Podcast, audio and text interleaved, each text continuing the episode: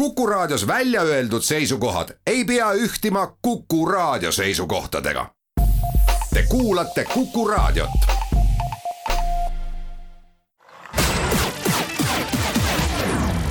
nädala Tegija. ja tere nüüd ka Nädala Tegija stuudiost. selle nädala saatekülaline on peaminister Jüri Ratas. Jüri Ratas, tere tulemast Nädala Tegija saatesse. tervist ja suur tänu kutsumast. saatejuht on Ulla Lents. Järgmisel nädalal lähevad meil lapsed kooli ja see on vist kõige ettearvamatum kooliaasta, vähemalt kooliinimeste jaoks küll, sest ühelt poolt on hästi tore, et lapsed ikkagi meil Eestis saavad kooli minna, sest nii pikk on see paus olnud. teisalt, no ma ei tahaks olla koolidirektori olukorras, sest äh, nad peavad sellele, mis ühel hetkel võib juhtuda, hästi ruttu reageerima. kool ilmselt äh, vajab või koolil on täna hoopis teistsugused väljakutsed. kui palju valitsus on valmis selleks, et haridusasutustele appi tulla, kui seda abi on vaja ja ma mõtlen eelkõige, on see siis rahaline abi, on see muu, kas see on üldse täna probleem? Kõigepealt esimene vastus on see, et äh, õppeaasta algab äh, sellel aastal esimesel septembril, nii nagu õppeaastad peavad algama kool algab selles mõttes sarnaselt eelnevatele aastatele, aga tõsi, nii nagu teie ka ütlete, on siin mõningad sellised reeglid või ütleme, kirjutamata reeglid, mida siis tuleb rohkem järgida ja täita. Ma arvan, et see, et me Eestis oleme väga tugevasti tegelikult kooli ja meie haridussüsteemi usaldanud, aga usaldanud ka seda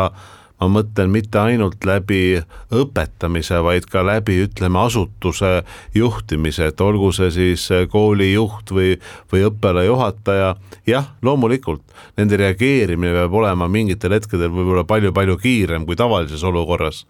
aga see reageerimine peab olema ka kodus, et kuskohast läheb laps äh, hommikuti Äh, uksest välja ja kooli suunas, et äh, see on ka oluline, et ka vanemad vaatavad, et ka laps ise vaatab, et kui on haigusnähud, kui on äh, tunne halb, et sel korral ei tohi siis minna kooli, siis tuleb ennast terveks ravida, sest oht on see, et loomulikult võib alati nakatada oma lähikondseid, aga on oht ka see ja me teame, et noortele võib-olla see äh, haigus Covid-19 nii palju või nii kiiresti ei nakka ja nad põevad seda kergemalt, see on, see on hetkel meil teada, aga koolis töötavad ka õpetajad. Koolis töötab ka teist personali, kelle vanus on kõrgem, nii et see vastutustunne, ma arvan, et peab olema igalühel väga-väga kõrge, teine on, et äh, midagi ei ole teha, aga kõige lihtsam asi, et äh, näeme ka siin ütleme täna stuudios, et on olemas laua peal desinfitseerimisvahendid, et äh, see on saanud meie igapäevanormiks. Desinfitseerimisvahendid peavad olema olemas ja loomulikult äh, käsi tuleb saada pesta ka siis seebiga ja veega ja need, äh, neid, seda tuleb teha usinasti. aga jah, kool algab nii nagu, nagu ikka kool algab, ma ei toeta mitte mingil juhul sellist lähenemist, et taaskord me läheme sellele distantsõppele. Aga olgu ka siin öeldud suve lõpus, et see, mida tegelikult ikka õpetajad tegid ja meie haridustöötajad tegid, see oli väga suur väga pühendunud ja väga keerukas töö nende mitme-mitme kuu jooksul ühelt poolt hoida laste motivatsiooni, viia tunde läbi hoopis teistes tingimustes ja mis siin salata, ma arvan, et väga paljud äh, äh, vanaisad ja vanaemad, emad ja isad samuti pingutasid. aga jah, ma usun, et äh, me täna teeme kõik selleks, et olla paremini valmis ja nagu me oleme välja öelnud, niisuguseid suuri sulgemisi püüame teha kõik selleks, et neid vältida. no ütlevad õpetajad ja ütlevad ka koolijuhid seda, et kõige raskem on see, kui sa satud olukorda, vaat kus sa pead hakkama klasside kaupa kinni panema seda koolis käimist, et kool ju küll üldiselt töötab, aga mõni klass võib-olla ei tohi kooli tulla ja õpetaja peaks siis töötama nii klassi ees kui distantsõppel, et see teeks kõigi elu keeruliseks ja noh, ma ei tea, lisapersonali palgata, ma ei tea, esiteks, kas koolil on vahendeid ja teine asi, et kas seda lisapersonali teades, kuidas meil haridustöötajaid ikkagi napib, üldse väga kusagilt võtta on? ja ma arvan, et tõesti ei ole see vist väga võimalik, et me nüüd kolmapäeva hommikul arv-, aval-, avastame avastame, et meil on vaja siia kahte matemaatika, ühte inglise keelt ja ühte füüsikaõpetajat ja kolmapäeva lõunast on nad tööl, et see ei ole lihtsalt ju realistlik, me saame sellest aru. Ehm, nüüd, aga see vastab ka tõele, mida te oma küsimuses ütlete, et me peame selle viirusega kas meie valik on, kas me hakkame selle viirusega selles mõttes hakkame elama nii palju kui võimalik normaalset elu ja püüame kõik teha selliselt, et see viirus istub põhimõtteliselt põrandal maas või nurgas või vastupidi, me ütleme, et see viirus on niivõrd keeruline ja raske ja selle tõttu me sulgeme kogu ühiskonna Need on ju kaks tegelikult valikuteed, no Eesti ei ole olnud suletud ka selle esimese laine ajal võrreldes väga paljude riikidega, aga tõsi, Eesti ühiskonnas, kui kool suletakse, siis väga palju liiklust jääb ära, me teame seda väga selgelt siin pealinnas, kui koolivaheaeg algab, siis ummikuid ei ole ja kui koolivaheaeg lõpeb, siis samal, samal sekundil kohe ummikud sellest hommikust tekivad. aga see on ka üleüldine liikumine ühistranspordis, kaubanduskeskustes ja nii edasi, nüüd kui koolis tõesti peaks selline olukord juhtuma, et tekivad äh, need äh, inimesed, kellel on äh, siis koroonaviirus või haigus Covid-19, siis ma arvan, et tuleb umbes samamoodi läheneda, nagu me täna ühiskonnas läheneme. et need inimesed jäävad koju, teha selgeks siis, kes on olnud need lähikontaktsed, kui palju klassi, klassist on kokkupuudet olnud, kes on need õpetajad, söögitädid olnud ja, ja, ja siis tuleb kõik teha selleks, et, et need inimesed jääksid ka koju ja, ja saaksid väga operatiivselt siin juba riigi proaktiivsel tegevusel võimaluse testida, sest ma arvan, et see testimise võimalus, testimise võimekus peab järjest rohkem kasvama ja see annab meile palju rohkem operatiivset infot, kui me vaatame täna ka, kuidas me teeme neid suuri näiteks spordiüritusi, seesama WRC maailma äh, karikaetapp, et tegelikult see on ikkagi ju täna väga äh, konkreetne, inimene juba asukohariigis testib, tuleb Eestisse, jälle testib. Ja, ja siis, kui see on negatiivne, siis ta alustab, äh, siis ta saab, ütleme sellest niinimetatud eneseisolatsioonist vabaks. Ja ma arvan, et ka see süsteem võiks järjest rohkem ja rohkem ühiskonnas olla, et kui meil inimesed tulevad välismaalt, ühel hetkel ei ole enam ühtegi võib-olla riiki eh, siin lähikondselt, mis on eh, nii, niinimetatud rohelised, aga see ei tähenda seda, et nüüd kõik peaks sulguma, et me, minu ettepanek ka valitsusele on olnud see, et, et teha konkreetsed lennusuunad, mida me ei, ei sulge, sest et me ei saa neid sulgeda, meil on majandus, meil on inimesed, kes peavad minema, inimesed, kes peavad tagasi tulema, aga loomulikult me ju ka ei taha, et see viirus läheb ühiskonda laiali, laiali laiali, laiali. see, mis on täna Ida-Virumaal, on ikkagi väga raske, ma ütleksin, väga keeruline seis äh, Tartus me suutsime äh, viiruse saada kontrolli alla, Ida-Virumaal hetkel nii veel öelda ei saa. me teeme siinkohal oma jutuajamisse väikese pausi ja hetke pärast jätkame. nädala Tegija nädala Tegija saade läheb edasi. stuudios on Eesti Vabariigi peaminister Jüri Ratas. ja ma ütlen kuulajatele ka ära, et me ajame Jüri Ratasega juttu tegelikult kolmapäevasel päeval ja miks ma seda praegu nii väga rõhutan, sest tänase teadmisega me näeme kogu aeg, et nakatunute arv meil kasvab, samas see on meil, nagu te ka ütlesite, Terviseameti kontrolli all, et me teame, kust need nakatunud tulevad ja enamasti teame ka, kust see viirus alguse selles seltskonnas saanud on.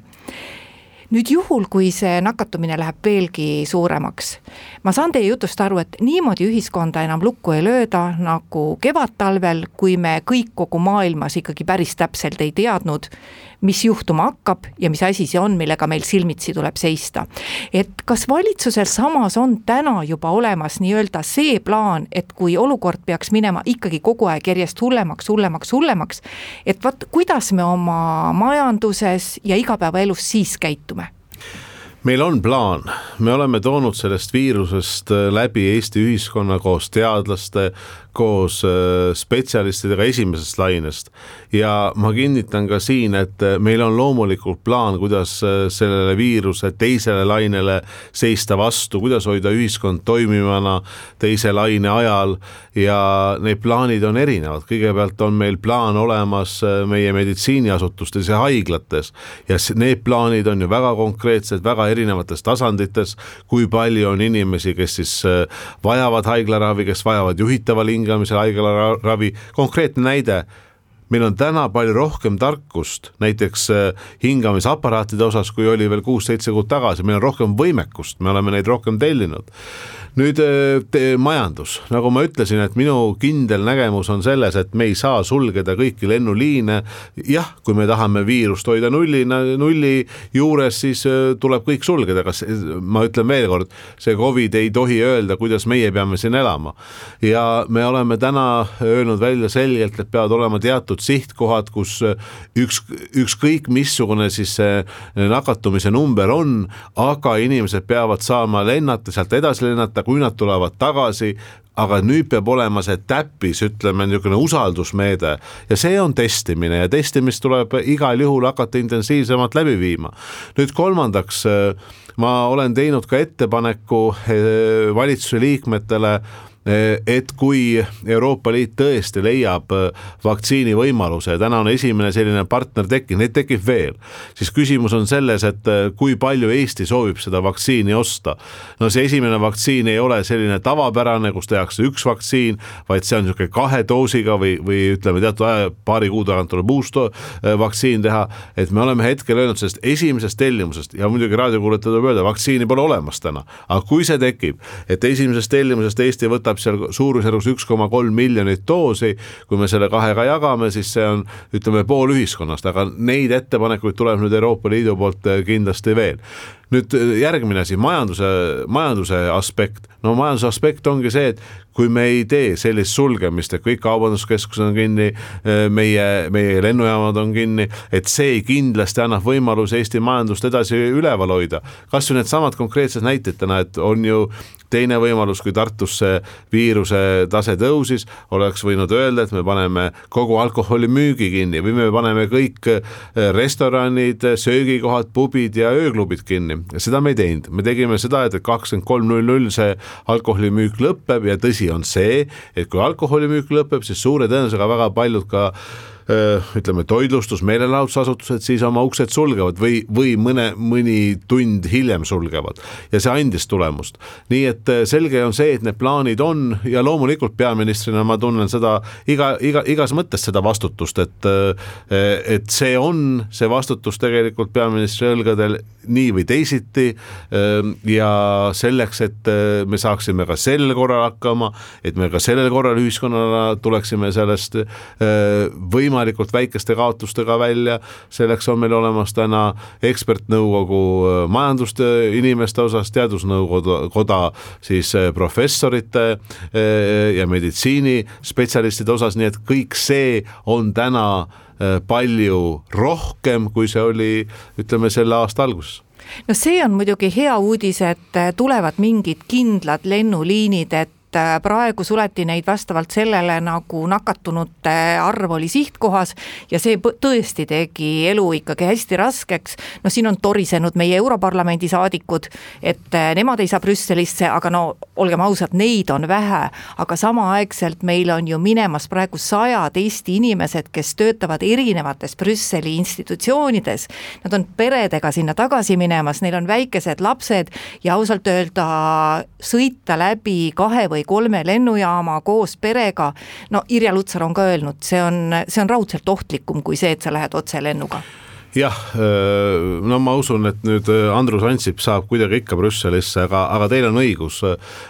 diasporaa täna Eesti puhul äh, Äh, vast on isegi õige öelda, et Belgia kuningriigis või Brüsselis on see äh, suurim võrreldes siin Kanada või Ameerika Ühendriikidega, kus siis tegelikult ju mindi neljakümnendatel juba äh, siit Eestist ära. aga ma olen täiesti nõus, et üks on, et minna siin äh, ütleme lennuliinidega, kus sa pead äh, siis vahemaandumise tegema, ootama võib-olla tunde selles lennujaamas, kus loomulikult nakatumisoht on samuti kõrge, aga paljud äh, leiavad või püüavad leida leida täna võimalus ka sõita näiteks sõidukiga, mis on samuti väga keeruline ja see on pikk reis, äh, mitu päeva, sadu kilomeetreid. täna kolmapäeval ma saan siin raadiosaates öelda seda, et, et minu ettepanek äh, on homme valitsusele see, et hoida lahti kusagil viite kuni seitset lennu, äh, lennuühendust Eestis. kui küsida, mis need on, siis kindlasti ma arvan, see peab olema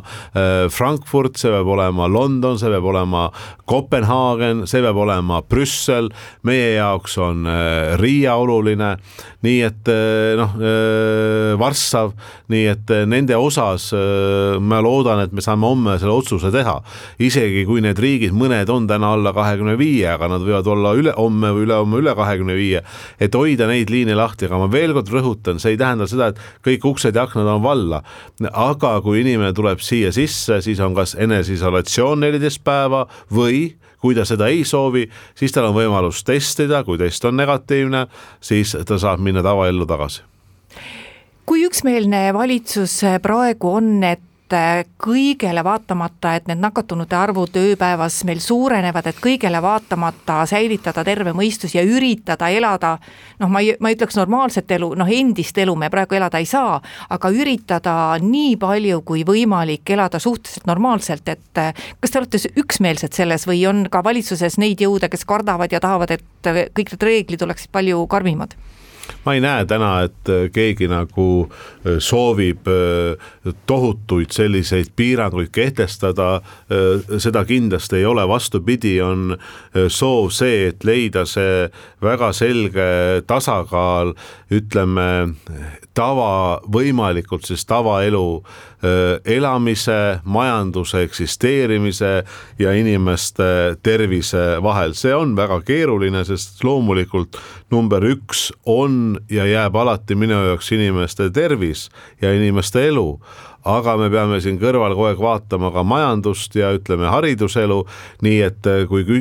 vastus teile, et keegi ei soovi nüüd äh, seda sulgemist äh, nuppu põhja vajutada, et kõik läheksid kinni. ja vastupidi, et kogu aeg ju me ka otsime võimalusi, selge on see, et valitsuse laual on ka igapäevaselt erinevad, mitte ainult Covid-19-st seotud teemad ja nüüd me loomulikult stardime eelarveprotsessi, kus saab, mis saab olema selles mõttes ma ütleksin võib-olla isegi viimase, eh, viimaste aastakümnete kõige ettearvamatum, sellepärast et missugused on majandusprognoosid, missugused prognoosid kehtivad, missugused ei kehti. loomulikult meie arvestame oma suvist majandusprognoosi, aga see, kus me oleme täna ja see, kus me oleme võib-olla septembri lõpus, oktoobri lõpus, rääkimata aasta lõpust, seda me ei oska täna ette väga palju ennustada ja mitte keegi ei oska. ja selge on see, et eks eelarveprotsess saab olema taaskord selles mõttes väga tõsine tõsised arutelud äh, pensionisüsteemis, pensioni, äh, pensionisüsteemi toetuste osas, haridussüsteemis, investeeringute osas, siseturvalisuse osas, kaitsekulud, mis kindlasti tekitavad äh, palju küsimusi, et kui skp langeb, et missugused kaitsekulutused saavad siis olema. nii et neid valdkondi tegelikult, mida eelarves tuleb nüüd prognoosida palju keerulisemas või ütleme, palju ebaselgemas olukorras, eks ole päris suur väljakutse kogu valitsusele me teeme siinkohal natuke pikema pausi, kuulame ära Kuku raadio poolesed uudised ja siis räägime peaministriga edasi. nädala Tegija nädala Tegija saade läheb edasi, stuudios on peaminister Jüri Ratas ja meie jutt jäi just majanduse poole peal katki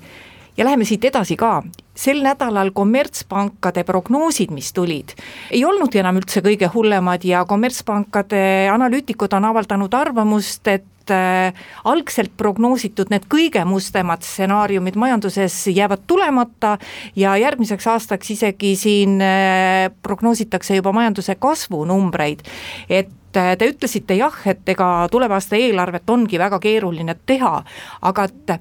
millelt valitsus üldse lähtub, et kas pigem sellest, et noh, et kõike tõmmata kokku, kust annab kokku tõmmata, või, või pigem sellest, et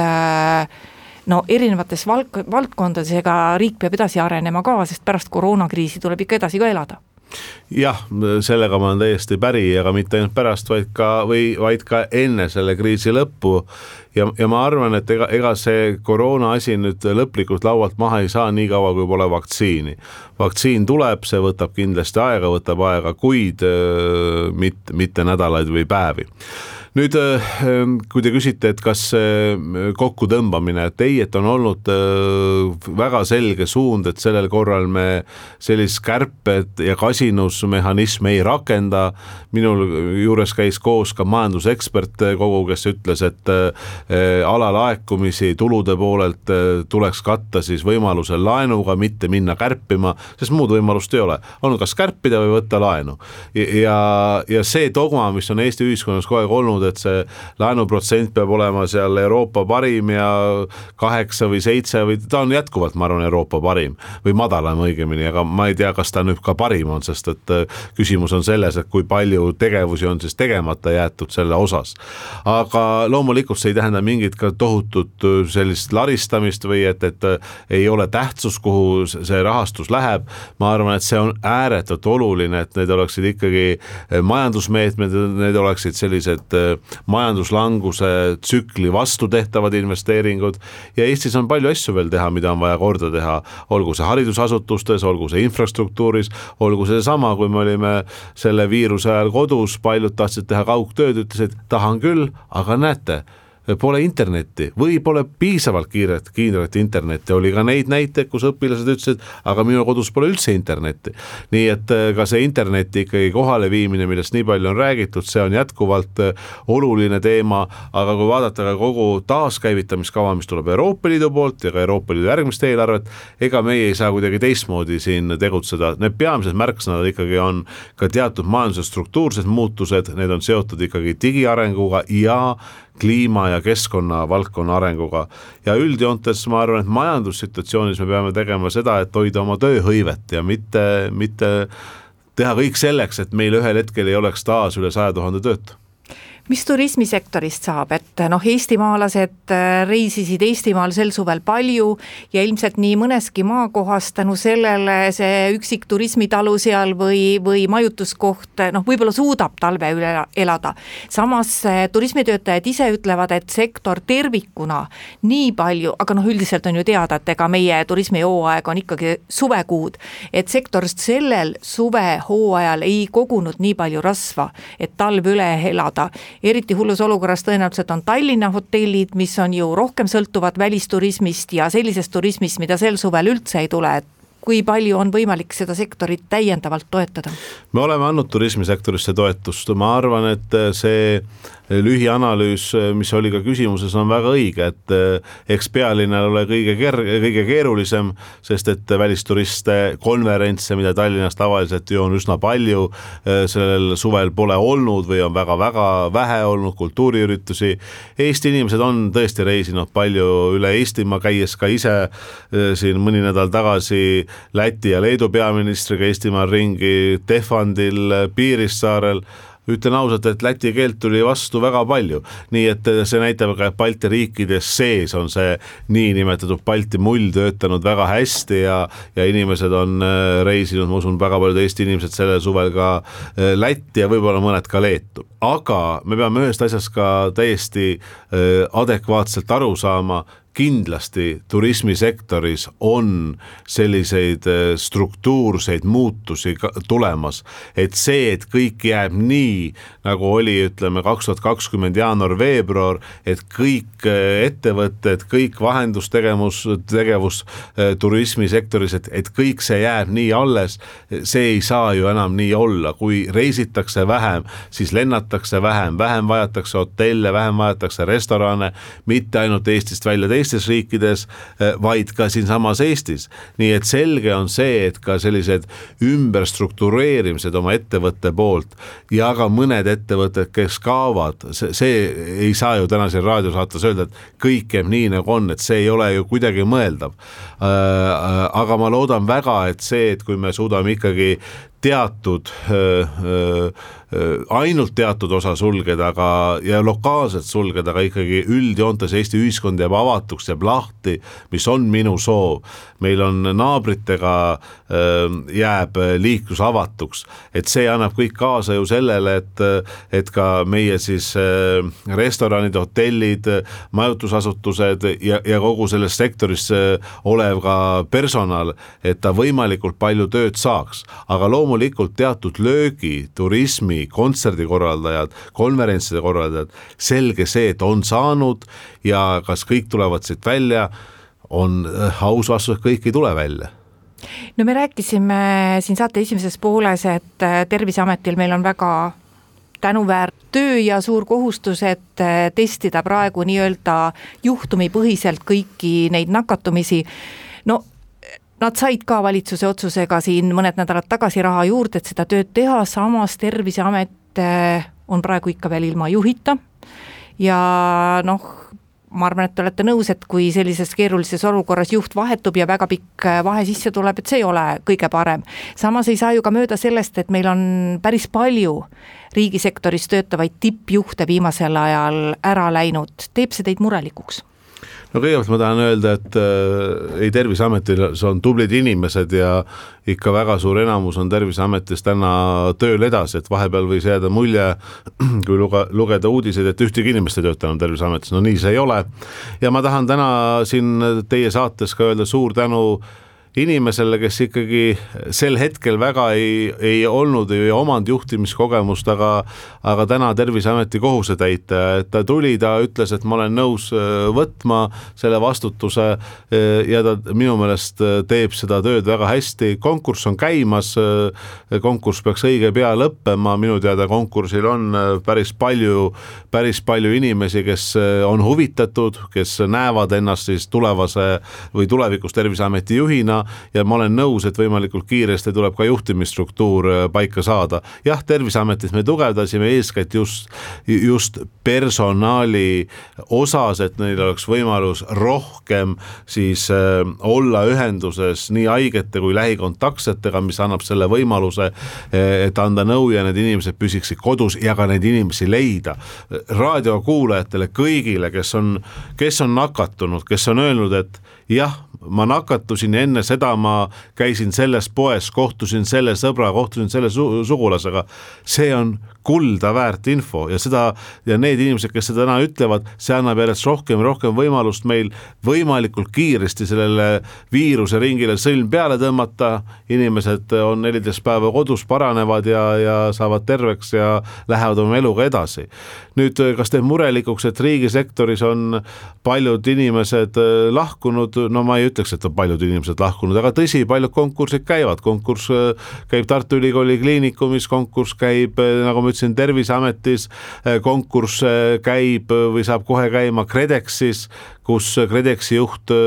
ütles, et ta, ta läheb ära, aga vähemalt aitäh talle, et ta on nõus seda tööd tegema minu meelest oktoobri alguseni. Ja, ja see on väga mõistlik, et ta, ta ütles ka, et tahab ju anda oma töö üle ja ja et ei tekiks sellist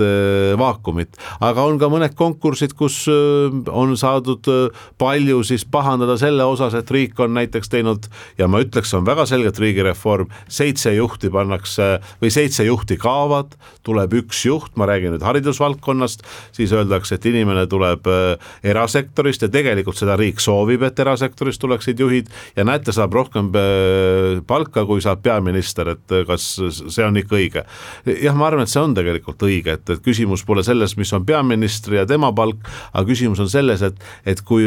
inimesed erasektorist tulevad avalikku sektorisse ja see ei ole üldse mitte halb, vaid minu meelest see on positiivne, siis juhid küsivadki sellist palka, aga me peame arvestama, et seitse juhti, seitse juhi positsiooni ei ole enam seal tööl, et seal oli konsolideerimine, nii et ka see on üks äh, reformi osa, nii et neid konkursse, nii nagu riigis ikka,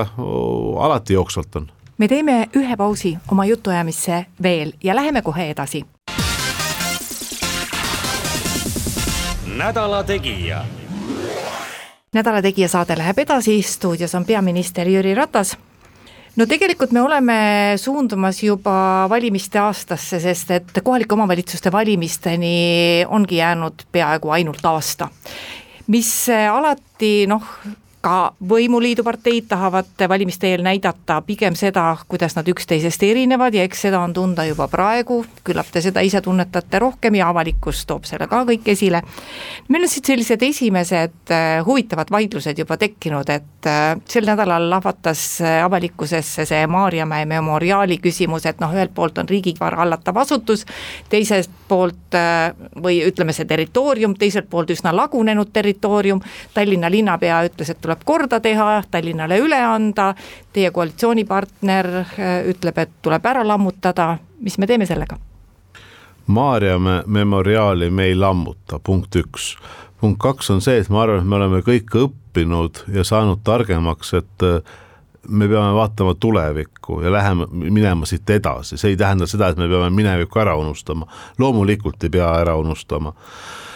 me peame arvestama ka sellega, et äh, kui korraks sellest memoriaalist rääkida, mida see siis Tallinna linnapildis tähendab, on väga palju maastikuarhitekte, kes ütlevad, et see sobib siin hästi. kui me sõidame või jalutame või sõidame jalgrattaga mööda Pirita teel, me näeme päris paljusid noori inimesi, inimesi, kes sealt vaatavad ilusat merevaadet mis tuleb teha sellega, et see ei ole päris nii, et see kuulub linnale või riigile, minu teada see on reformimata riigimaa, nii et võib öelda, et see maa eh, kuulub tõesti eh, riigile läbi Maa-ameti ja läbi Keskkonnaministeeriumi, aga memoriaali erinevad osad või rajatised siis kuuluvad erinevatele öö, avaliku sektori pooltele. see obelisk ja öö, siis teatud see mälestustahvel või kus on need käed peal, see kuulub minu teada Tallinna linnale ja ülejäänud siis sellest memoriaalist, see on riigi bilansis ja mis on kõige olulisem minu arust ja kõige, kõige noh, kriitilisem.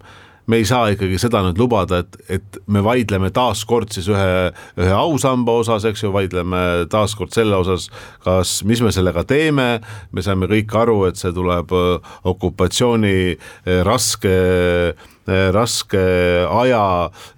loodud sellest, see memoriaal ja, ja loomulikult siis on ka neid, kes ütlevad, tuleks siit maa pealt see ära pühkida, aga see tuleb korda teha. kokkuvõttes inimesed käivad, et see, see, see on fakt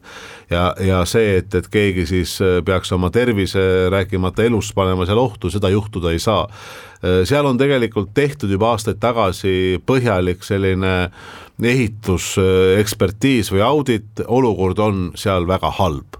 nii et küsimus on selles, et äh, mis tasandil ta teha korda, ma mõtlen, et kas siis, äh, kas seal hakata ka midagi muutma või ta lihtsalt korrastada, äh, eeskätt on see seotud mm, seal kivide,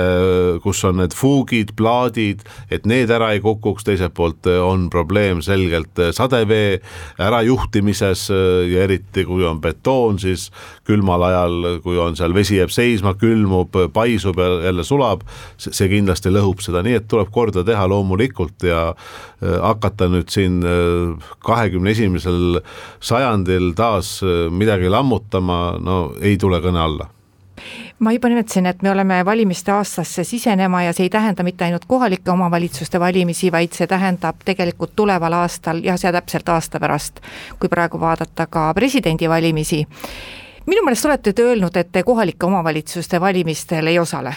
jah, ma olen seda öelnud, ma pean seda õigeks, et peaminister ei kandideeri. kohalike omavalitsuste valimised ja noh, see eelmine küsimus ka, palju ta tuleb valitsusse sisse. kaks tuhat seitseteist, kui meil oli teine valitsuskoalitsioon, sain ma päris hästi või saime me päris hästi hakkama, kui rääkida tänasest valitsuskoalitsioonist, EKRE, Isamaa, Keskerakond. loomulikult kohalikud omavalitsuste valimised, erakonnad kandideerivad, nimekirjad kandideerivad, üksikkandidaadid kandideerivad. aga ma arvan, et valitsustasandil on kõik selles mõttes nii professionaalsed äh, poliitikud poliitikud äh, ja inimesed teevad oma tööd, et see nüüd ei tule seda valitsuse igapäevategevust äh, segama, aga loomulikult kohalike omavalitsuste teemad on alati raadiokuulajatele vast äh, ühed olulisemad, kuidas on minu kõnniteega, mis saab minu lasteaias, kuidas on valgustus, kuidas on vesi, kuidas on kanalisatsioon, miks pargipinke pole piisavalt, mis on teede olukord, kas bussid liiguvad ja need teemad kõik on kohalikel omavalitsustel laual. kas te presidendivalimistel kandideerite? Kaks tuhat kakskümmend üks. Ei kandideeri Jüri Ratas kaks tuhat kakskümmend üks presidendivalimistel. millal te arvate, millal tulevad erakonnad presidendikandidaatidega välja, sest praegu ei ole ju ühtegi nime veel välja öeldud? Noh, mõnikord öeldakse väga vara, et näiteks kas Keskerakond ise mõtleb selle peale, sest erakond ju oma presidendikandidaadi ikka välja paneb kõigepealt Eesti Vabariigil on täna president olemas, tõsi, kaks tuhat kakskümmend üks on presidendivalimised, kui te küsite, et millal tulevad välja erakonnad kandidaatidega, ma ei oska kõikide erakondade eest vastata, aga ma arvan, et ju see on järgmise aasta kevadel, mil mitte väga palju enne. nüüd, kas erakonnad panevad välja oma presidendikandidaadid või mitte, ma arvan, et see on juba keerulisem küsimus, et ma isiklikult arvan, et tuleks töötada selle nimel, et me leiame noh, võimalikult palju eh, siis eh, kas Riigikogu liikmeid või siis valija, valijameeste kogus liikmeid, et kus pannakse välja siis võimalikult laiapindne kandidaat, et kui kõik tulevad välja enda kandidaatidega, siis taaskord see valik selles mõttes või kogu see valimine no ei pruugi minu meelest õnnestuda, nii et minu meelest õige on leida, ma, ma ütlesin ka oma erakonna kongressi kõnes seda välja, et minu meelest Eesti president peab olema see, kes ühiskonda liidab ja ja ühiskonna sidusust ehitab, nii et Keskerakond on igal juhul valmis tegema presidendivalimistel iga, igakülgset koostööd. ja lõpetuseks me jõuame rääkida veel ka Valgevenest, et Eesti valitsus on öelnud oma seisukoha Valgevene suhtes, Euroopa Liit on äh, lubanud sanktsioone, samas ei saa ju unustada, et äh, Lukašenkoga seonduvalt on kahtlasi valimistulemusi ennegi olnud ja Euroopa Liit on iga kord lubanud sanktsioone ja mingid sanktsioonid on ka olnud ja need on siis lõppkokkuvõttes lõdvenenud. kas siit võiks tulla midagi, ma just mõtlen Euroopa poole pealt midagi Euroopa Liidu ühiste sanktsioonide näol, mis oleks midagi muud, kui nad eelnevatel kordadel on olnud? Konkreetselt on see selge, et Valgevenet me peame igal juhul täna tema ühiskonda, kodanikuühiskonda toetama sellel demokraatia teel ja me oleme olnud ise sarnases olukorras ju kakskümmend üheksa aastat, eks ju, tagasi või kolmkümmend aastat tagasi. nii et äh, ma siiski loodan seda, et äh, need muutused, mis äh, Valgevene tänavatel on, mis on hakanud toimuma, et nendel muutustel on ühel hetkel ka tulem ja mis see tulem saab meie poolt vaadates olla, on see, et need oleksid vabad, demokraatlikud ja rahvusvaheliste vaatlejate juures toimuvad presidendivalimised nüüd kas Euroopa Liit võiks kehtestada sanktsioone, sanktsioone me ülemkogus viimati arutasime, oli otsus, et me tuleme nende juurde tagasi septembris, Eesti tänasel kolmapäeval ma võin öelda, et Eesti läheb tegelikult sanktsioone siis omapoolselt kehtestama Valgevenele isikute osas, Eestisse sissesõidu osas, seda teed läheb ka Läti minu teada ja Leedu on selle sammu juba astunud. Äh, me oleme kolme Balti peaministriga teinud avalduse, et äh, me ei tunnista neid valimisi ja ei tunnusta neid valimisi, seda on öelnud ka Euroopa Liidu Ülemkogu eesistuja. nüüd, kui teie küsimus on, aga mida veel? siis ega Euroopa Liidul ju, mis on meie võimalused, meil on võimalus teha diplomaatilisi samme ja see on see diplomaatiline kaart ja teine võimalus on sanktsioonide kaart. ega Euroopa Liidul ju, kui nüüd mõelda, et kas tal on mingit äh,